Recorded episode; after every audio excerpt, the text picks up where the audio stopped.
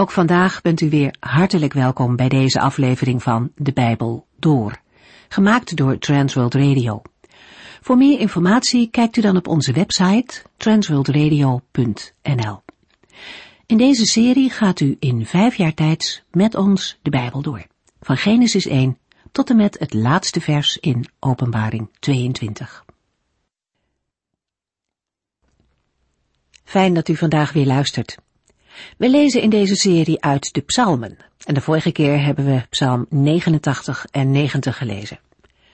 Ethan, een Ezrachiet, worstelt in psalm 89 met de vraag waarom God niet ingrijpt. Deze laatste psalm van het derde boek sluit aan bij 88, een psalm van Heman. In het begin lijkt het alsof Ethan antwoord geeft op de vragen die Heman in de vorige psalm heeft gesteld. En toch blijken ook bij hem uiteindelijk de vragen de overhand te hebben. Hij beschrijft de nood van het koningshuis en van het volk, en het lijkt alsof de Heere zijn belofte niet nakomt. De nakomelingen van David zijn in plaats van uitverkorenen verworpen. De teneergang van het koningshuis van David wordt in de Bijbelboeken Koningen beschreven. Toch begint de dichter uitgebreid met een beschrijving van Gods almacht en Gods trouw. In het vervolg herinnert hij aan Gods belofte dat Davids nakomelingen altijd zullen blijven regeren. Toch leeft de dichter in een periode dat hij daarvan niets merkt. Hij bidt om vervulling van die belofte van de Heere. En dat is altijd de hoop van een gelovige. Ook al zijn de beloften van de Heere nog lang niet allemaal vervuld, we mogen weten en vertrouwen dat Hij ze stuk voor stuk zal houden. Alles wat de Bijbel voorzegt over de toekomst, zal ook op een dag werkelijkheid worden. En die hoop, die mogen we, die moeten we vasthouden in tijden dat het lijkt alsof de wereld om ons heen de Heere God steeds verder buitenspel zet. Psalm 90 is een bekende psalm. Hij behoort tot de oudste en is geschreven door Mozes. Ook al is dat door sommigen betwijfeld, de vorige keer hebben we gezien dat het heel aannemelijk is dat Mozes deze tekst heeft gedicht. Inhoudelijk past de psalm bij Israëls moeilijke jaren in Egypte en bij de woestijnreis daarna. De tekst geeft weer hoe snel het leven voorbij gaat. Ten opzichte van de eeuwige God zijn mensen maar een ademtocht. Maar terwijl we dat zelf ook merken, is het geweldig om te weten dat de Heere eeuwig leven geeft aan iedereen die in Hem gelooft. Wij lezen verder in Psalm 91. De dichter van Psalm 91 getuigt van een rotsvast geloofsvertrouwen in Gods bescherming van de zijnen. De psalm is te karakteriseren als een vertrouwenslied en geldt voor alle situaties, maar met name in tijden van gevaar en moeite. Psalm 91 heeft bepaalde overeenkomsten met de wijsheidsliteratuur. Psalm 91 is onder te verdelen in vieren. Een openingsdeel, twee delen met toezeggingen en een godspraak als afsluiting. De inleiding, vers 1 en 2, bevat een verklaring van vertrouwen, uitgesproken in de eerste persoon enkelvoud. Het volgende deel, vers 3 tot en met 8, bevat Gods toezeggingen van hulp, in de tweede persoon enkelvoud. Het derde deel vinden we in de versen 9 tot en met 13, met toezeggingen van bescherming.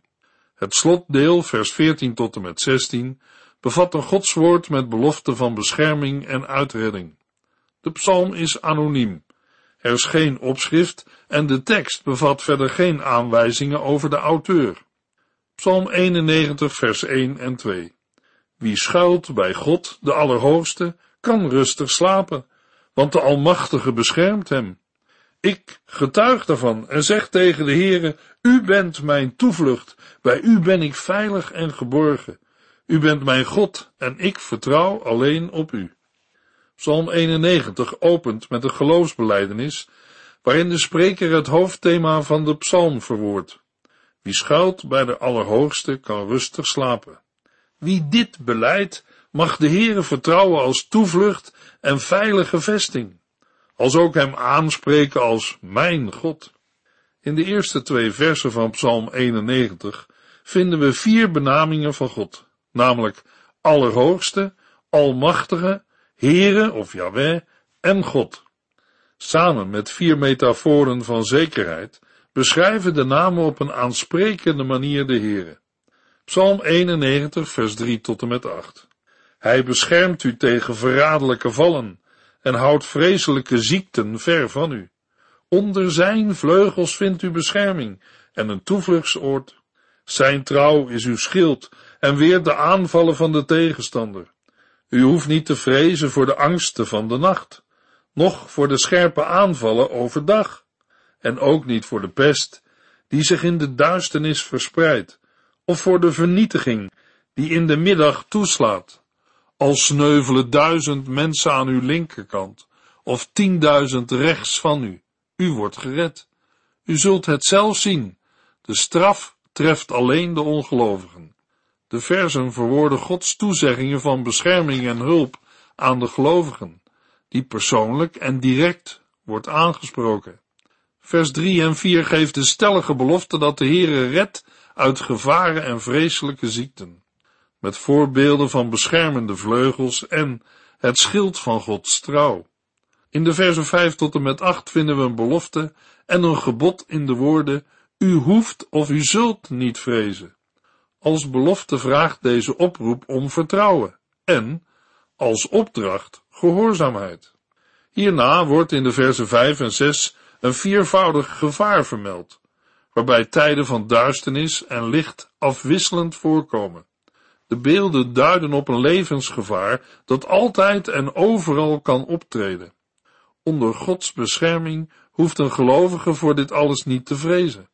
Hij zal veilig zijn, terwijl om hem heen de ongelovigen hun vergelding ontvangen. Psalm 91, vers 9 tot en met 13. U, Heere, bent mijn toevluchtsoord. U hebt God, de Allerhoogste, als beschermer gekozen. Tegenslag zal u niet treffen en ziekten zullen ver van u blijven. Hij zal zijn engelen bevelen voor u te zorgen en u te beschermen, waar u ook gaat. Zij zullen u op handen dragen en u zult niet struikelen. Zelfs als u een leeuw tegenkomt of op een adder trapt, gebeurt er niets. In vers 9 wordt de geloofsbeleidenis van vers 1 en 2 weer opgepakt en aangevuld. Het beeld van de Heer als toevlucht en het beeld van de Allerhoogste komt terug. Daarna volgt een opsomming van Gods toezeggingen van bescherming. De Heere behoedt de gelovigen tegen tegenslag en ziekten en kwaad. Hij geeft zijn engelen bevel elke gelovige te beschermen, overal waar hij of zij gaat.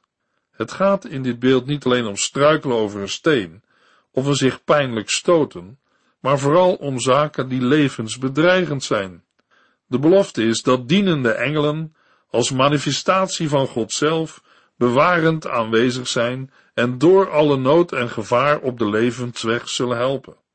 Uit vers 13 wordt duidelijk dat de mens die door Gods engelen wordt behoed, Gods bescherming en kracht ontvangt om gevaarlijke en sterke dieren te vertrappen. Adders en leeuwen hebben gemeenschappelijk dat zij gevaarlijk zijn en vanuit een schuilplaats onverhoeds aanvallen. In Psalm 91 zijn zij een beeld van machten die een gelovige bedreigen. In het slotdeel, de versen 14 tot en met 16, vinden we een profetisch woord van de Heer. Vers 14 beschrijft de kenmerken van een gelovige die Gods belofte in de versen 15 en 16 ontvangt.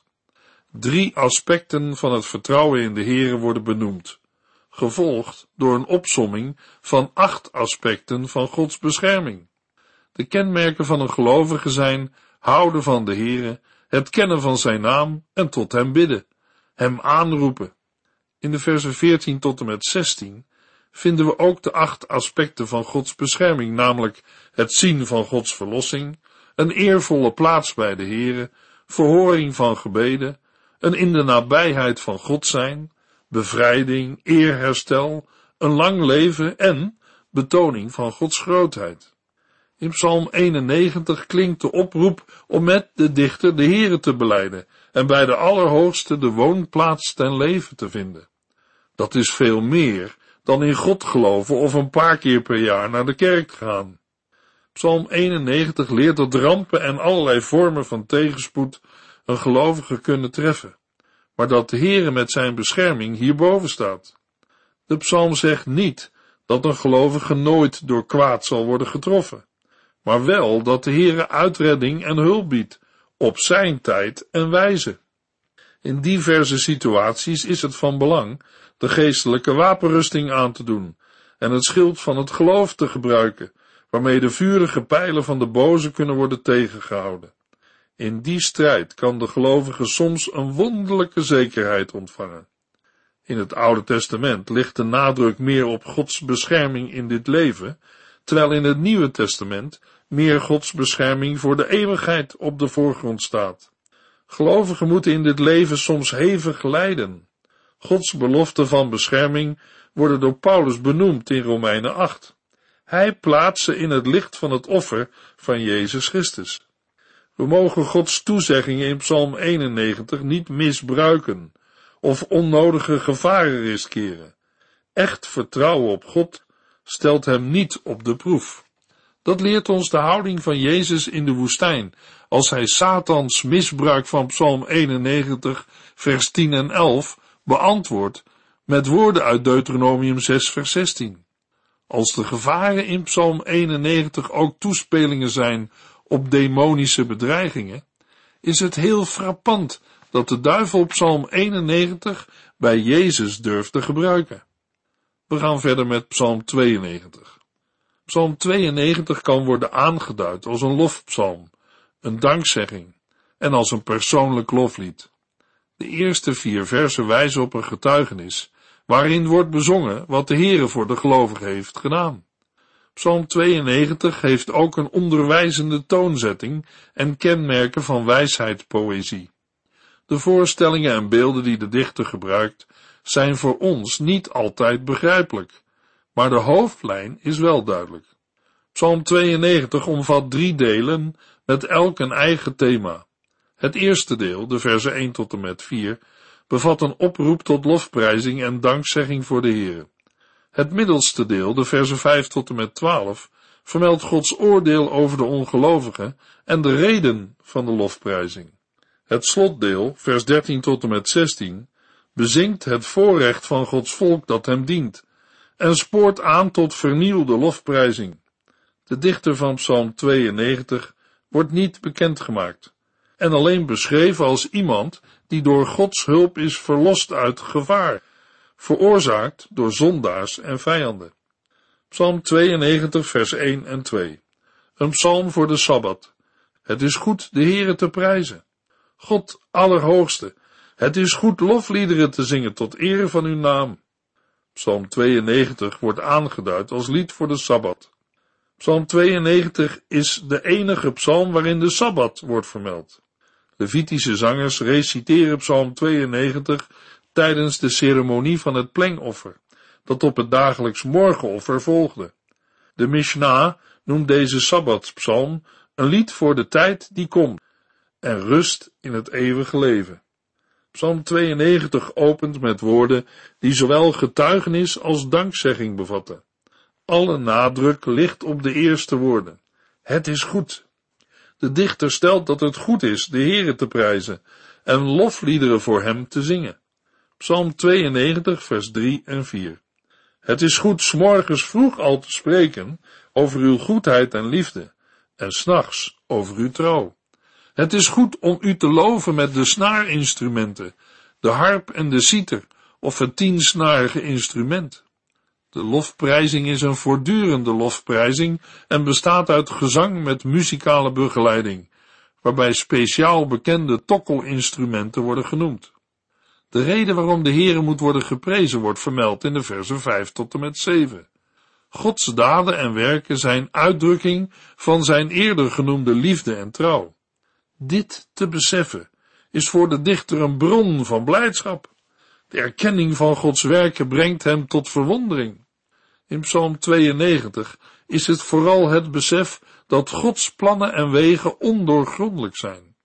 Psalm 92, vers 8 tot en met 10. Het lijkt wel of bij ongelovigen alles voor de wind gaat, of zondaars alleen gezondheid en voorspoed kennen. Maar toch zult u ze vernietigen. Alleen u, heren, neemt de hoogste positie in, voor eeuwig. Kijk, heren, uw vijanden zullen vernietigd worden. Alle zondaars zullen worden verspreid over de aarde. De dichter beschrijft de snel groeiende voorspoed van de ongelovigen, die hij zondaars noemt. In vers 10 wordt de uiteindelijke val van de vijanden beschreven. De toon is plechtig en nadrukkelijk, door het gebruik van het woordje kijk.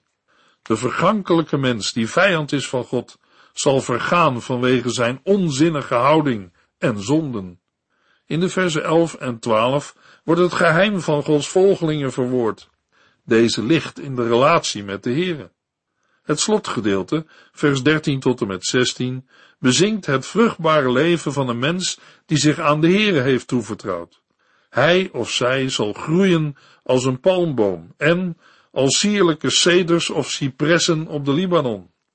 Alleen in verbondenheid met de Heer en zijn dienst is een rijk en vruchtbaar leven mogelijk. Dit perspectief wordt afgerond met een blik in de toekomst. De grootste zegen is om, ook bij het ouder worden, de Heere te dienen en daarin vruchtbaar te zijn. Het slotvers keert terug naar de kern van de psalm en toont het levensdoel van een gelovige.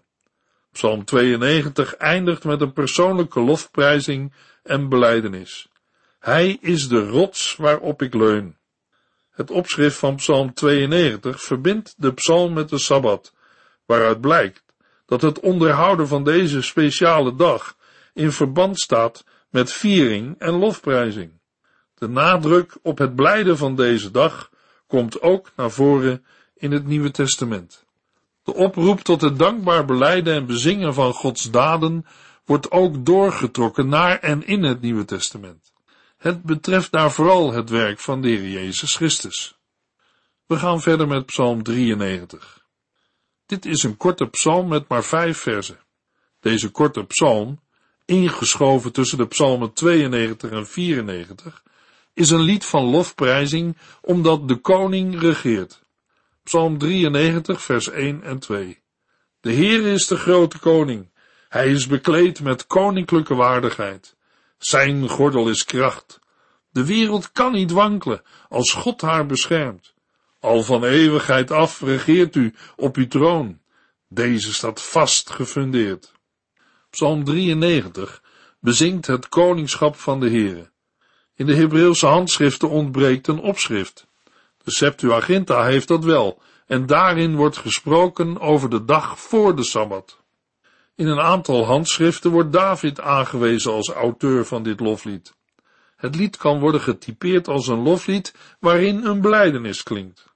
Het korte lied is een duidelijke eenheid, waarbij aan het begin en eind de macht van de Heere wordt bejubeld, en in het middendeel de vastheid van de aarde te midden van de wateren wordt bezongen. Psalm 93 begint met een uitroep. De Heer is de grote koning. Hij is bekleed met het hoogste gezag en heeft zichzelf omgord met kracht. De wereld zelf is van ouds onwankelbaar gegrondvest. Een verwijzing naar de schepping, toen er scheiding kwam tussen het droge land en de zeeën, als ook naar de fundering van de wereld. Psalm 93, vers 3 tot en met 5. Heere, het water bruist. Het laat zijn stem horen en zingt bruisend tot uw eer. En boven het daverende geluid van al dat water, van al die zeeën, is de grootheid van de Heere zichtbaar. Alles wat u zegt is waar. Wij kunnen u vertrouwen. Alles aan u is heilig als een waardevol sieraad. Dat blijft zo tot in eeuwigheid, heren. Maar de machtige watermassa's van zeeën en rivieren bedreigen de wereld. In een poëtische herhaling staat dat ze bruisen en hun stem laten horen. En boven het daverend geluid van al dat water triomfeert de Heere. Hiermee wordt de grootheid van God beleden en ook de veiligheid van de mensen op aarde.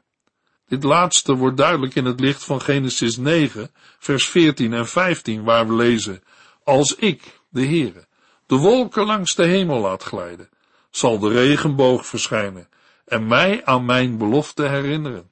Nooit meer een watervloed die alle leven vernietigt. Als de regenboog aan de hemel staat, zal ik hem zien en denken aan het eeuwigdurende verbond tussen mij en alle levende wezens op aarde. Psalm 93 sluit uiteraard overstromingen niet uit, maar geeft aan dat de Heere de zeggenschap heeft over de wateren. Dat moet voor de gelovige Israëliet, maar ook voor ons, een troost zijn. In het leven van een mens kunnen veel bedreigende machten zijn, zelfs vijandige en demonische machten. Maar het is de troost van een gelovige dat de Heere regeert en de uiteindelijke macht heeft. Uit en in dat vertrouwen mogen wij leven. Jezus Christus heeft zijn macht over het water en andere krachten tijdens zijn leven op aarde meermalen getoond. In het Bijbelboek Openbaring staat de belofte dat de vijandige machten overwonnen worden en dat er zelfs geen zee meer zal zijn. In Openbaring 19 vers 6 wordt Psalm 93 geciteerd. De Heere, onze almachtige God, regeert. Psalm 93 behoort tot een groep liederen over het koningschap van de Heere, waartoe ook de psalmen 47 en 95 tot en met 99 worden gerekend. Bovendien zijn veel uitleggers het erover eens dat psalm 93 tot en met 100 een eigen zelfstandige eenheid vormen, waarbij psalm 100 de climax vormt.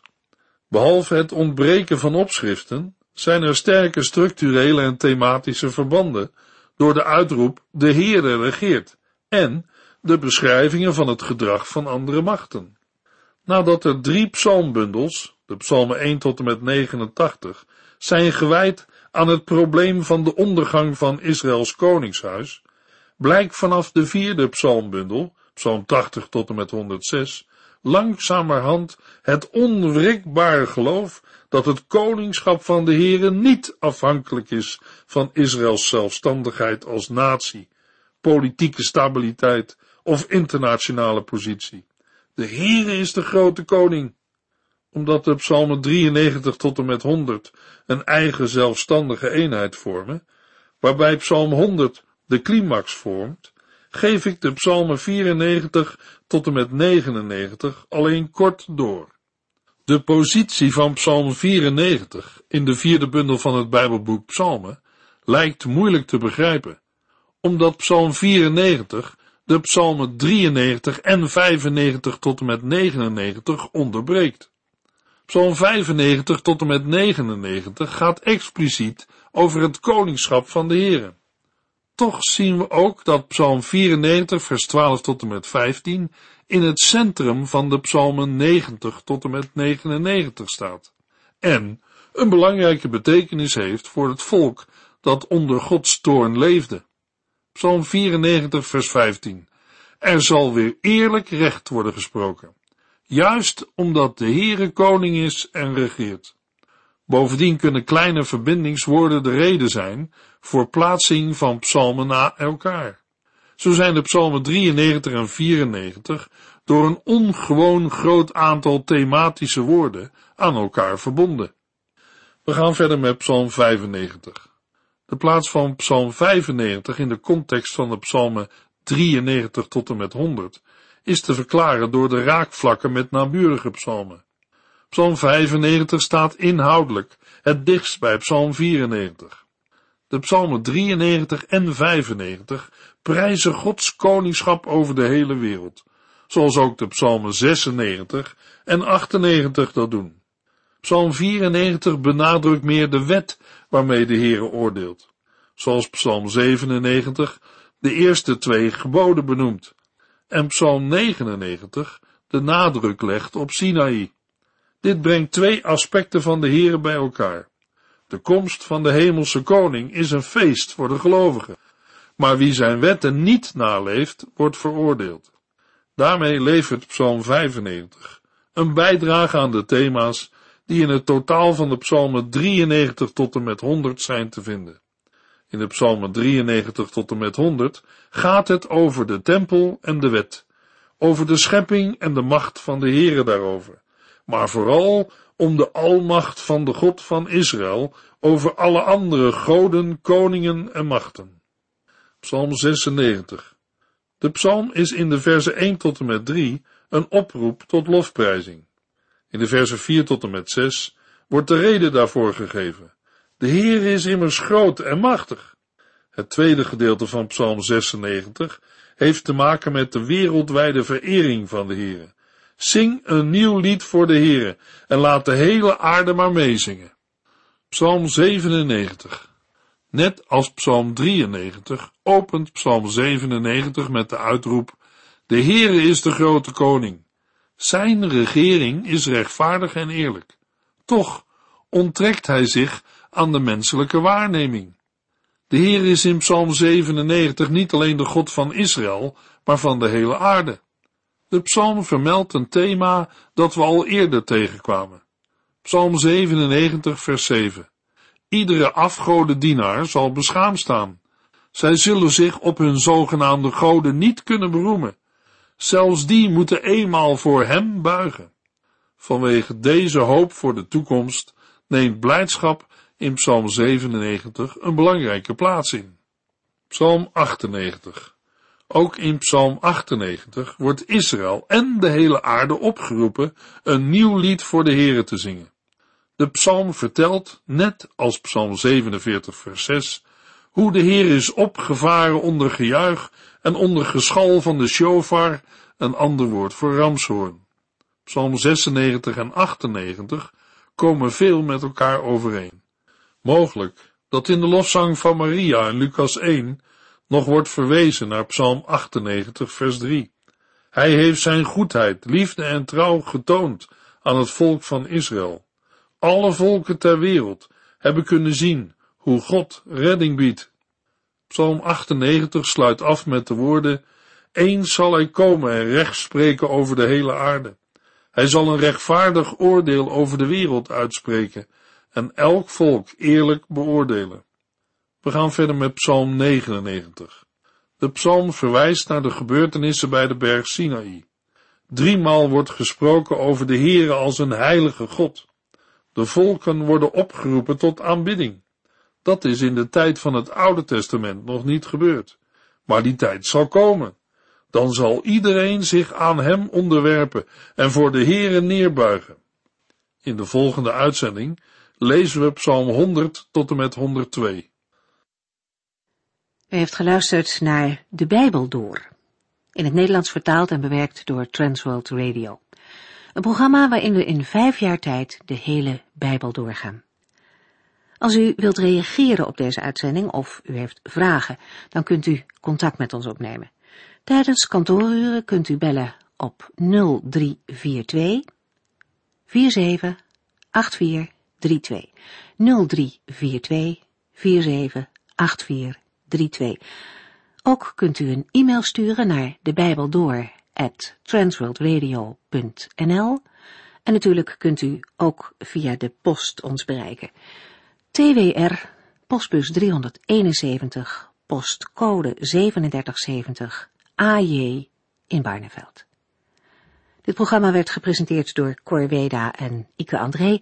Techniek was in handen van Odin van Voerkom. En wij allemaal bedanken u voor het luisteren. Graag tot de volgende keer.